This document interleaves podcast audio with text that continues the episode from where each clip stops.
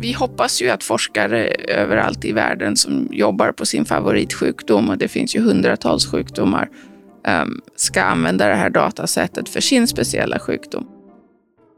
ALS, tvångssyndrom, cancer. Genom att kartlägga djurs DNA kan vi få en djupare förståelse av biologin bakom sjukdomar.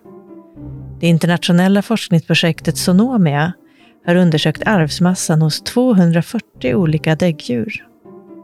Du lyssnar på Forskarpodden vid Uppsala universitet och det här avsnittet produceras av mig, Annika Hult. Jag heter Kerstin Lindblad Tow och jag är professor i komparativ genomik vid Uppsala universitet, men jag har också en forskartjänst vid Broad Institute och MIT och Harvard i Boston. I projektet Sonomia har du varit med och kartlagt eh, genomet hos 240 olika däggdjursarter. Och det här är ett jättestort projekt eh, och som presenterades i den vetenskapliga tidskriften Science. Och ni fyllde ett helt nummer med det här, eller hur? Ja, det var elva olika artiklar som hamnade i Science. Ja, och eh, hur är det att eh, leda ett sånt här stort projekt? Det är väldigt spännande och roligt och när man har folk med olika kompetens och olika forskningsfrågor som jobbar tillsammans med ett sånt här stort datasätt som det vi har genererat så kan det bli väldigt bra när man jobbar tillsammans. Ja, och eh, hur många var det som var inblandade i projektet? Det var cirka 150 um, ehm, forskare från många olika tidszoner. Ja, så bara att få ihop eh, möten och sånt måste ha varit ett pussel? Det är ett pussel. ja, jag kan tänka mig det. Hur gick forskningen till då, mera konkret? Ehm, vi samlade in eh, prover från 240 däggdjur och sen kartlade vi deras arvsmassa eh, genom att genomsekvensa dem. Ehm, och sen jämförde vi olika, alla arvsmassorna och då kan vi se var de är lika och var de är olika. Mm, så ni hittar liksom, eh, delar i arvsmassan som liknar varandra i, i, olika djurarter? Precis, så vi har egentligen tre olika um, syften med forskningen. Det första är att förstå hur arvsmassan fungerar och vilka signaler som bestämmer när och i vilken cell ett protein ska bildas. Den andra frågan är hur arvsmassan förändras så att nya arter bildas eller arter kan anpassa sig till nya miljöer. Eh, och det tredje är hur vi hittar de mutationer i människans arvsmassa som leder till sjukdomar. Så vi har kallat sonom, projektet Sonomia eftersom det bygger på analys av 240 däggdjur. Så om man ska fundera lite mer på, på de här huvudfrågorna, hur man jobbar med dem, ehm, så är det viktigt att komma ihåg att i människans arvsmassa så är det bara ungefär en procent som är de gener som kodar för proteiner. Eh, däremot innehåller kanske 10 procent av arvsmassan de som signaler som avgör var och i vilken cell ett protein ska bildas och om det sätts på vid någon viss signal till exempel. Eh, så vi kallar de här regionerna för reglersignaler. Och vår analys bygger då på att de regioner som är lika under 100 miljoner år av evolution är de som har betydelse. Eh, så med hjälp av Sonomia-datat har vi nu en unik möjlighet att titta på alla reglersignaler som talar om när proteiner ska bildas. Och att de har varit lika under så lång tid, det tyder då på att de har, har stor betydelse? Om man tittar på arvsmassorna hos de 240 däggdjuren så muterar de slumpvis över de här 100 miljoner åren, åren som utvecklingen har skett.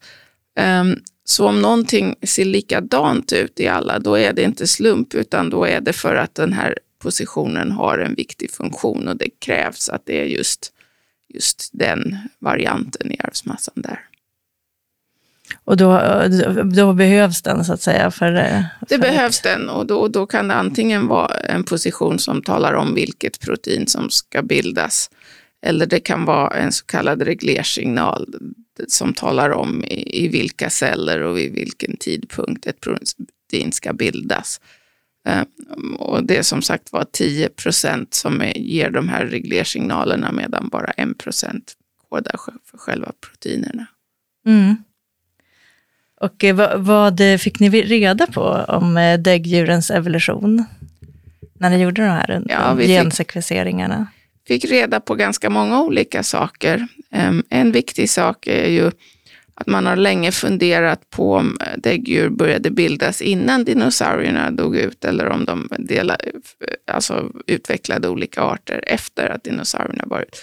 Och genom att titta på väldigt många olika delar i de här 240 däggdjursarvsmassorna så kan man komma fram till att däggdjuren började nog eh, diversifieras för ungefär 100 miljoner år sedan och det är mycket tidigare än när dinosaurierna dog ut. För dinosaurierna dog ut för ungefär 65 miljoner år sedan när en asteroid eh, träffade jorden.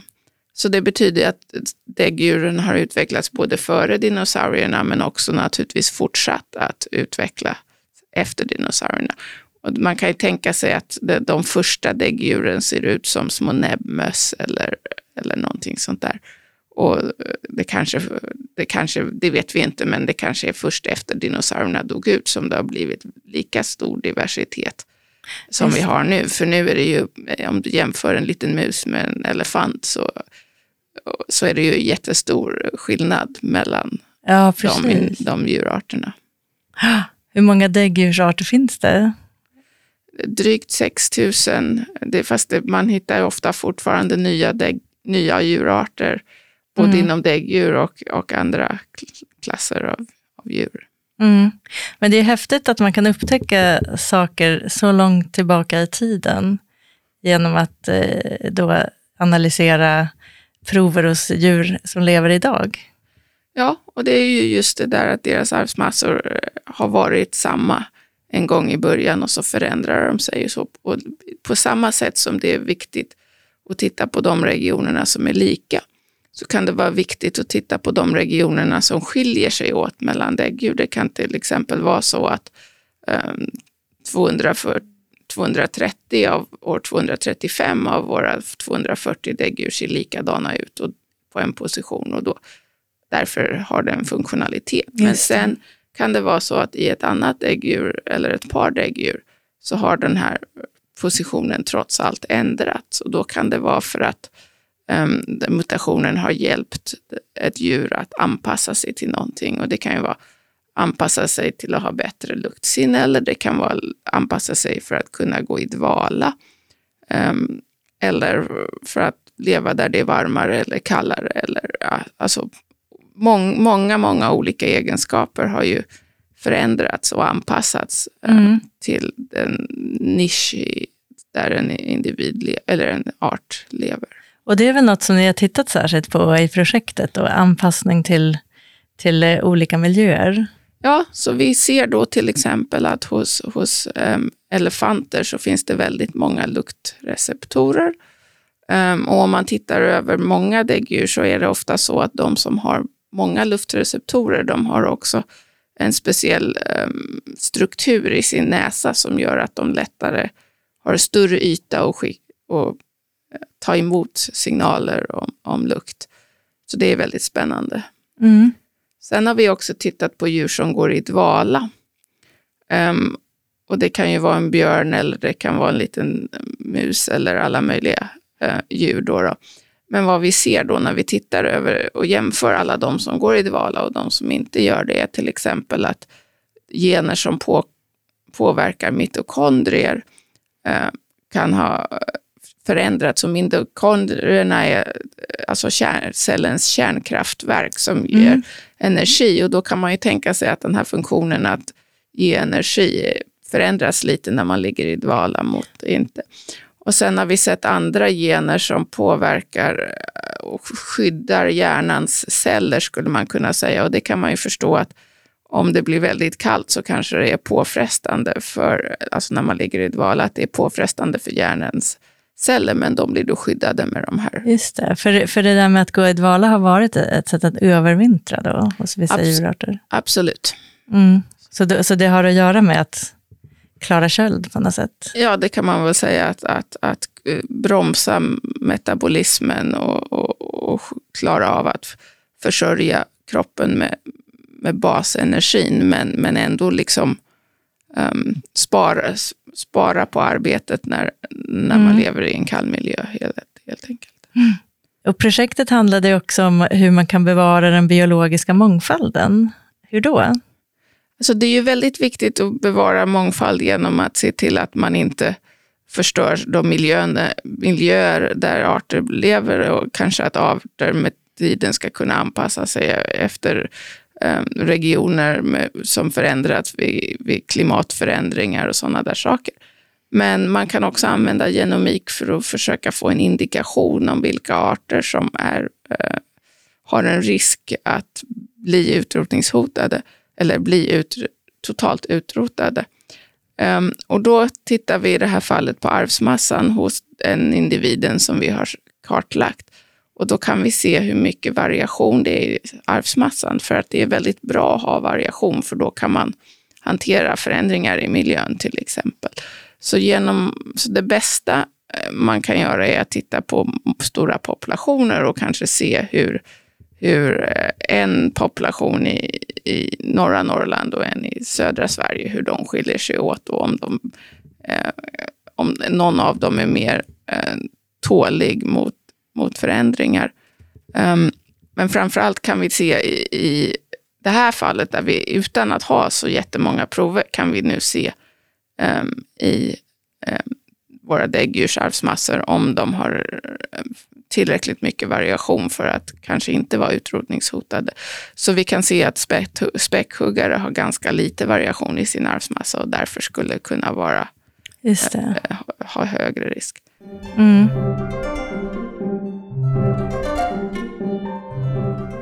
Sen handlar det ju också om eh, ärftliga sjukdomar, eller hur? Ja, ehm, så många forskare jobbar ju på att hitta den genetiska grunden för, för sjukdomar som allt från diabetes till schizofreni till ALS. Och vad man oftast gör då är att man jämför en massa patienter med sjukdomen i fråga och en massa friska individer och då hittar man regioner i arvsmassan som skiljer sig åt mellan patienter och, och friska. Eh, men när man har gjort det så är det lite svårt att gå vidare därför att många av de här regionerna överlappar inte gener ehm, utan de ligger utanför i de här regionerna som vi kallar för reglersignaler. Eh, men eftersom de är svåra att hitta och förstå så, så behöver vi mer verktyg för att kunna hitta vilka mutationer som ger upphov till sjukdomen.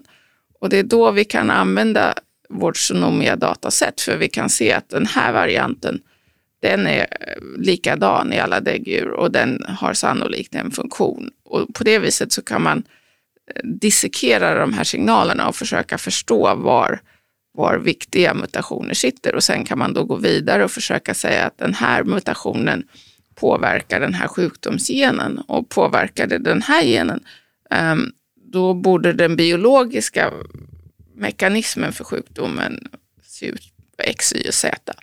Och om man sen eh, tittar på regioner där man förstår den biologiska funktionen, då kan man ha mer bättre läkemedel som är skräddarsydda i, i, till exempel för patienten i framtiden. Just det, så på så sätt kan, eh, kan då data från alla de här 240 olika däggdjursarterna också hjälpa oss att studera sjukdomar hos människan? Precis, och det känns för mig väldigt viktigt just för att det är så svårt att förstå sjukdomar ehm, och för att man gärna vill få till bättre behandlingsmetoder och ehm, mer, mer, få till metoder som gör att varje patient kan få en bättre skräddarsydd behandling. Så det, det är det ni, det, det blir möjligt att göra en mer skräddarsydd behandling av sjukdomar? Alltså det, tar, det tar ju ett tag från det att man förstår vad den biologiska mekanismen är tills man har utvecklat läkemedel. Så det är ju inte ett par månader utan det är ju flera år. Men just det där att man kan försöka få till läkemedel som, som verkligen ska vara så specifika som möjligt och förhoppningsvis inte ha lika mycket biverkningar och så vidare. Så att ju, ju, mer biologi man förstår, ju bättre läkemedel kan man i längden få fram. Mm. Och vad är det för sjuk sjukdomar då, framförallt som är intressanta? Alltså man, vi hoppas ju att forskare överallt i världen som jobbar på sin favoritsjukdom, och det finns ju hundratals sjukdomar, um, ska använda det här datasättet för sin speciella sjukdom. Ehm, men vi jobbar själva ganska mycket med amyotrofic lateral sclerosis eller ALS. och tvångssyndrom ehm, och vissa immunologiska sjukdomar som, som lupus eller ehm, um, Sjögrens sjukdom till exempel. Um, så där jobbar vi vidare och försöker använda, uh, eller försöker och försöker, vi använder datat från um, Sonomia för att försöka eh, peka ut de mutationer som är viktiga för de här sjukdomarna. Mm. Och, och, och då är det, det, det, här är sjukdomar då som finns hos både djur och människor? Precis. Um, så vi tittar ju framförallt på hundar uh, som modeller för sjukdomar. Så hundar och människor har ju ungefär samma gener och så bor vi i samma miljö i stor utsträckning. Um, och sen har vi i många fall liknande sjukdomar, så hundar får, får lupus och de får ALS och de får tvångssyndrom. Det är klart att det skiljer sig lite grann åt uh, mellan tvångssyndrom i hund och människa, för en hund kanske inte uh, kan ha tvångskänslor på samma sätt, men den har repetitiva beteenden på samma sätt som, som man har inom tvångssyndromet. Så att mm. uh, vi ser det som väldigt bra modeller och sen är det så att eftersom olika raser har bildats inom hundar ehm, så blir eh, sjukdomsmutationer blir ofta anrikade inom vissa raser och det gör att det är lättare att hitta dem. Så att ofta tittar vi först i, en hund med en viss, hundar med en viss sjukdom och, och jämför på samma sätt sjuka och friska um, individer som, på samma sätt som man gör i människan när man vill hitta sjukdomsgener. Och sen hittar vi ett antal gener och så säger vi att ja, de här generna är den här sjukdomsmekanismen och så tittar vi på samma gener och relaterade gener i människor och då kan vi i flera fall säga att de är liknande. Och så om man tittar på tvångssyndrom um, så är det många gener som eh, uh, ser, verkar för att en synaps ska bildas och vara stabil. Och en synaps är det ställe där olika nervceller pratar med varandra. Så att man kan förstå att det är viktigt att de pratar med varandra på rätt sätt och inte kanske mm. hakar upp sig eller, eller ja, något precis. sånt där. Och sen när det gäller sjukdomar så är det väl mycket cancer också som, som man forskar kring? Ja, precis. Vi tittar på cancer i både hundar och människor. Och i hundar så kan man utnyttja att de här sjukdomsanlagen har anrikats och vi kan hitta regioner i arvsmassan som till exempel predisponerar till skelettcancer. Ehm, men sen när man tittar på cancer i mer detalj och i synnerhet vad man gör i människor oftast är att man tittar på de mutationer som uppstår i cellerna, alltså inte det som man har nedärvt utan de mutationer som uppstår över tid och som ofta är det som gör att cancern verkligen bryter ut. Um, och då har man tidigare tittat väldigt mycket um, på proteinkodande mutationer, så mutationer som förändrar proteinet och det kanske blir överaktivt eller eh, inte reglerar någon annan gen som den ska och så vidare. Men återigen, det är väldigt många flera reglersignaler som kan bli muterade och som kan påverka hur mycket protein som, som framställs i en cell. Och så vad vi nu har gjort är att vi har tittat i flera olika cancertyper.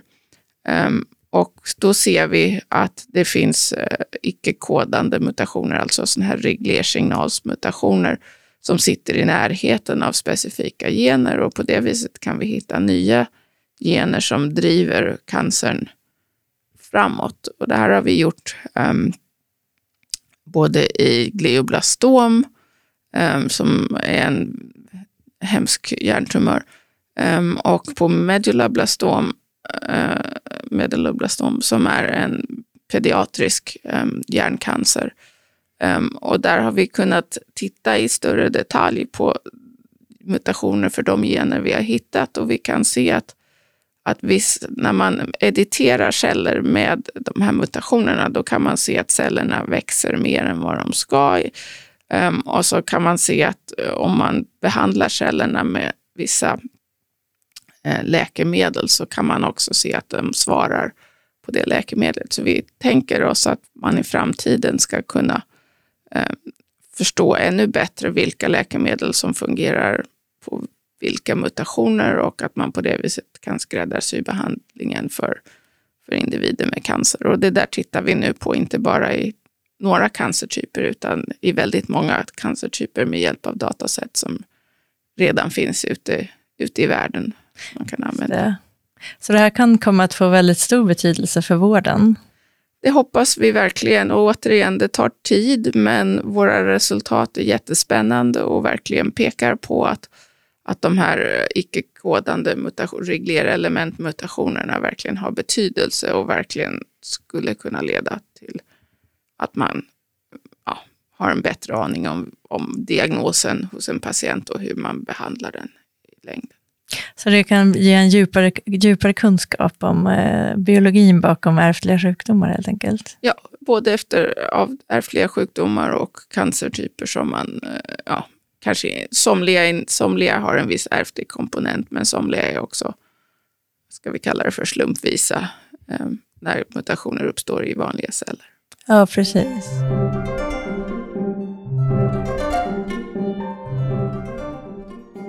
Hur kom det sig att du började forska om djursgenetik? När jag var doktorand på Karolinska institutet så jobbade jag om människors genetik. Eh, men när jag sen kom till det som blev Broad Institute av MIT och Harvard i Boston eh, så råkade jag få se lite data från eh, några musstammar och det såg det ut som att det skulle vara lättare att leta sjukdomsgener i möss än i människa. Eh, så då råkade jag vara på rätt plats vid rätt tidpunkt och fick chansen att leda musgenomkartläggningen eh, och det var ju den andra arvsmassan efter människa eh, av, av däggdjur som, som kartlades. Så det var ju ett stort jobb då, väldigt mycket, lika stort som att sekvensa 240 däggdjur nu. Men det gjorde också att jag fick en förfrågan att om vi ville kartlägga hundens arvsmassa och då när jag läste om hundar och hur, hur mycket de har samma sjukdomar som människor och vi vet att de delar samma gener och så vidare. Så då satte jag igång eh, att kartlägga hundars arvsmassa, men vi kartlade inte bara arvsmassan utan vi utvecklade de metoder som krävs för att leta sjukdomsgener. Vi letade efter variation i arvsmassan och vi skapade de verktyg som gör att man kan titta på alla positioner samtidigt eller på många positioner samtidigt och på det viset göra just det här att man jämför sjuka hundar med friska hundar och ser i vilken region de skiljer sig och ja, sen gå vidare och försöka förstå biologin av de där äggdjuren. Sen har jag jobbat på kartläggningen av många andra arvsmassor också, till exempel eh, spigg som, som anpassar sig till olika Eh, typer av sjöar och, och hav till exempel. Um, men det blev ganska snart tydligt när vi jämförde mus, människa, råtta och hund um, att man kunde lära sig mycket om arvsmassan genom att jämföra dem. Så att jag jobbade redan sedan 2005 på att försöka få till kartläggningen av flera däggdjur och i 2011 så hade vi kämpat jättehårt och kartlagt arvsmassan hos 29 däggdjur och började kunna titta efter sådana här reglersignaler. Men då hade vi inte tillräckligt mycket eh, evolutionär tid så att det gick inte att hitta, det gick inte att säga om varje position var konserverad eller inte, utan man fick titta på kanske 12, 12 baser, 12 positioner tillsammans. Ehm, så att, återigen, det var en väldigt stort datasätt då um, för, för 12 år sedan. Medan nu så är 240 däggdjur ungefär ett lika stort dataset fast förstås next, nästa steg. Så nu kan vi, det som är ballt nu är att vi kan titta på varje position och säga åh den här är viktig, den här är inte så viktig. Och det är för att te tekniken har utvecklats så mycket då? Teknikerna utvecklas så mycket så det, det är, man hade helt olika tekniker um, för eh, människans arvsmassa och sen för musens och hundens arvsmassa och sen för de 29 däggdjuren och sen för de 240 däggdjuren. Och nu har man ännu bättre metoder som fortfarande är lite långsammare och lite dyrare, men där man kan titta på, få väldigt hög kvalitet på sina däggdjur. Så vi, det finns ett projekt som heter Earth Biogenome som har till uppgift att sekvensa i princip alla eukaryota organismer, så alla, alla djur och växter och insekter och så vidare. um, inom de närmaste tio åren. Så att då, där har tekniken än, ytterligare gått framåt och den kommer att behöva gå framåt ännu mer för att det ska bli in, för att det inte ska bli för dyrt att kartlägga alla de här individerna. Men tanken är ju då att man ska ha bättre information om vilka arter som är um, utrotningshotade eller att man ska kunna titta efter adaptationer. Till exempel Leif Andersson tittar på sill och strömming och olika delar av, av Bottenviken och i Atlanten och kan då förstå eh, hur, de, hur de olika populationerna har anpassat sig till exempel. Och hur, då kan man få bättre möjligheter att eh, bedöma om, om vissa regioner är,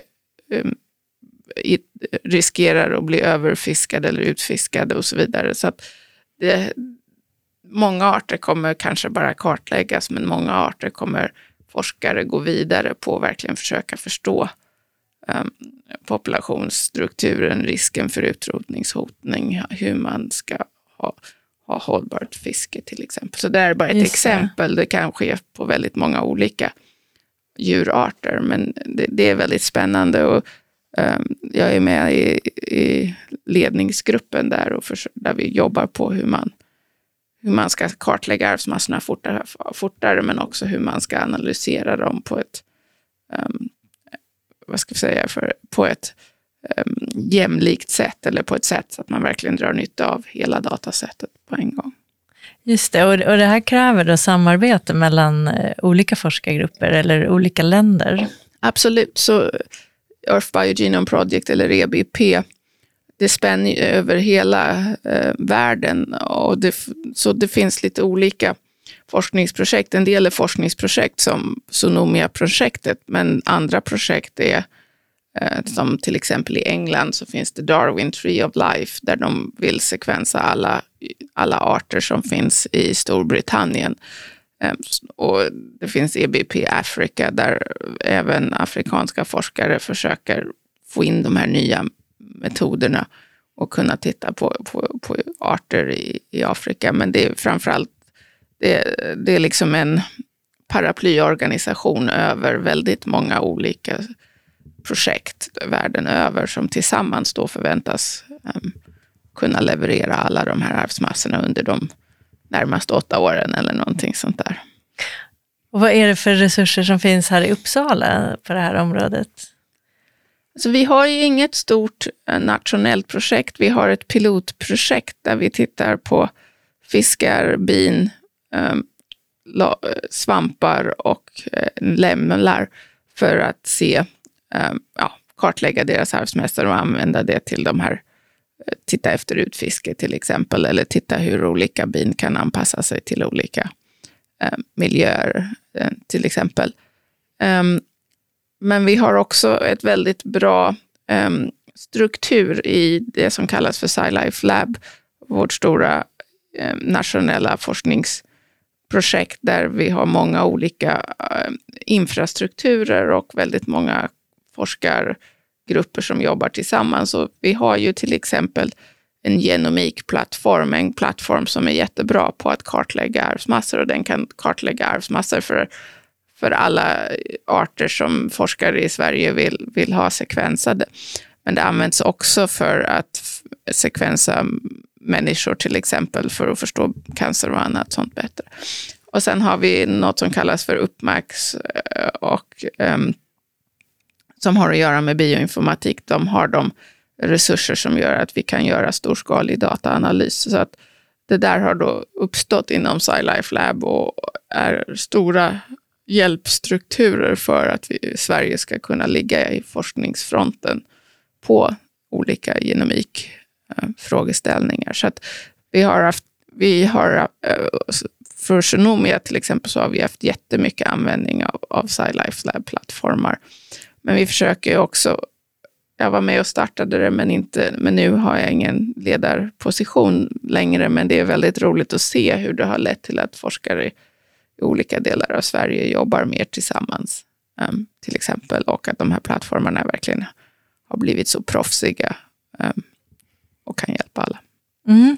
Och har du själv på gång eh, framöver i, i din forskning? Det är väl lite olika saker. Ehm, vi har tänkt oss att titta på apdjur. Ehm, om man tittar på hur mycket power man har inom apdjur så kan man inte titta på individuella positioner, men om man kan titta på mindre element genom att titta på ungefär 250 apdjur så kommer man kanske ha en chans av att se bättre vilka reglerelement som har uppstått eh, nya någon gång under apdjurens utveckling och, och då kan man se vad, kanske se vad som gör människor till människor i någon utsträckning för att det har uppstått nya, nya mutationer och nya reglersignaler. Så det tänker vi oss att titta på det här datasättet som ett företag som heter Illumina har producerat.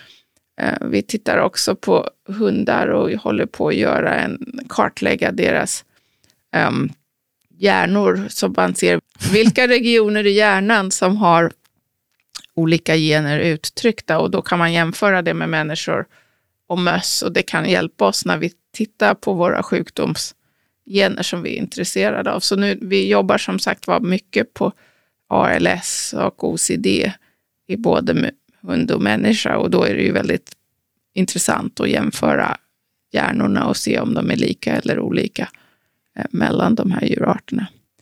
Ehm, och sen eh, länge håller vi som sagt var på att titta på cancer i mycket större utsträckning, både i, i hund och människa. Så att vi försöker att på alla möjliga sätt använda sonomia-datasättet till att förstå sjukdom. För det, även om det har varit jättespännande att lära sig om olika däggdjur, så är det det som liksom ligger mitt hjärta varmast, att man ska försöka förstå människans sjukdomar på ett bättre sätt. Ja, lycka till i fortsättningen då. Tack, tack. Tack så mycket. Du har lyssnat på Forskarpodden med forskaren Kerstin Lindblad Thor. Följ oss på Podbean, iTunes, Spotify eller andra poddläsare. Kontakta oss gärna i sociala medier på hashtag forskarpodden eller på universitetets webbsida uu.se forskarpodden. Jag heter Annika Hult och Forskarpodden produceras av Uppsala universitet med musik av Marcus Sjöblom.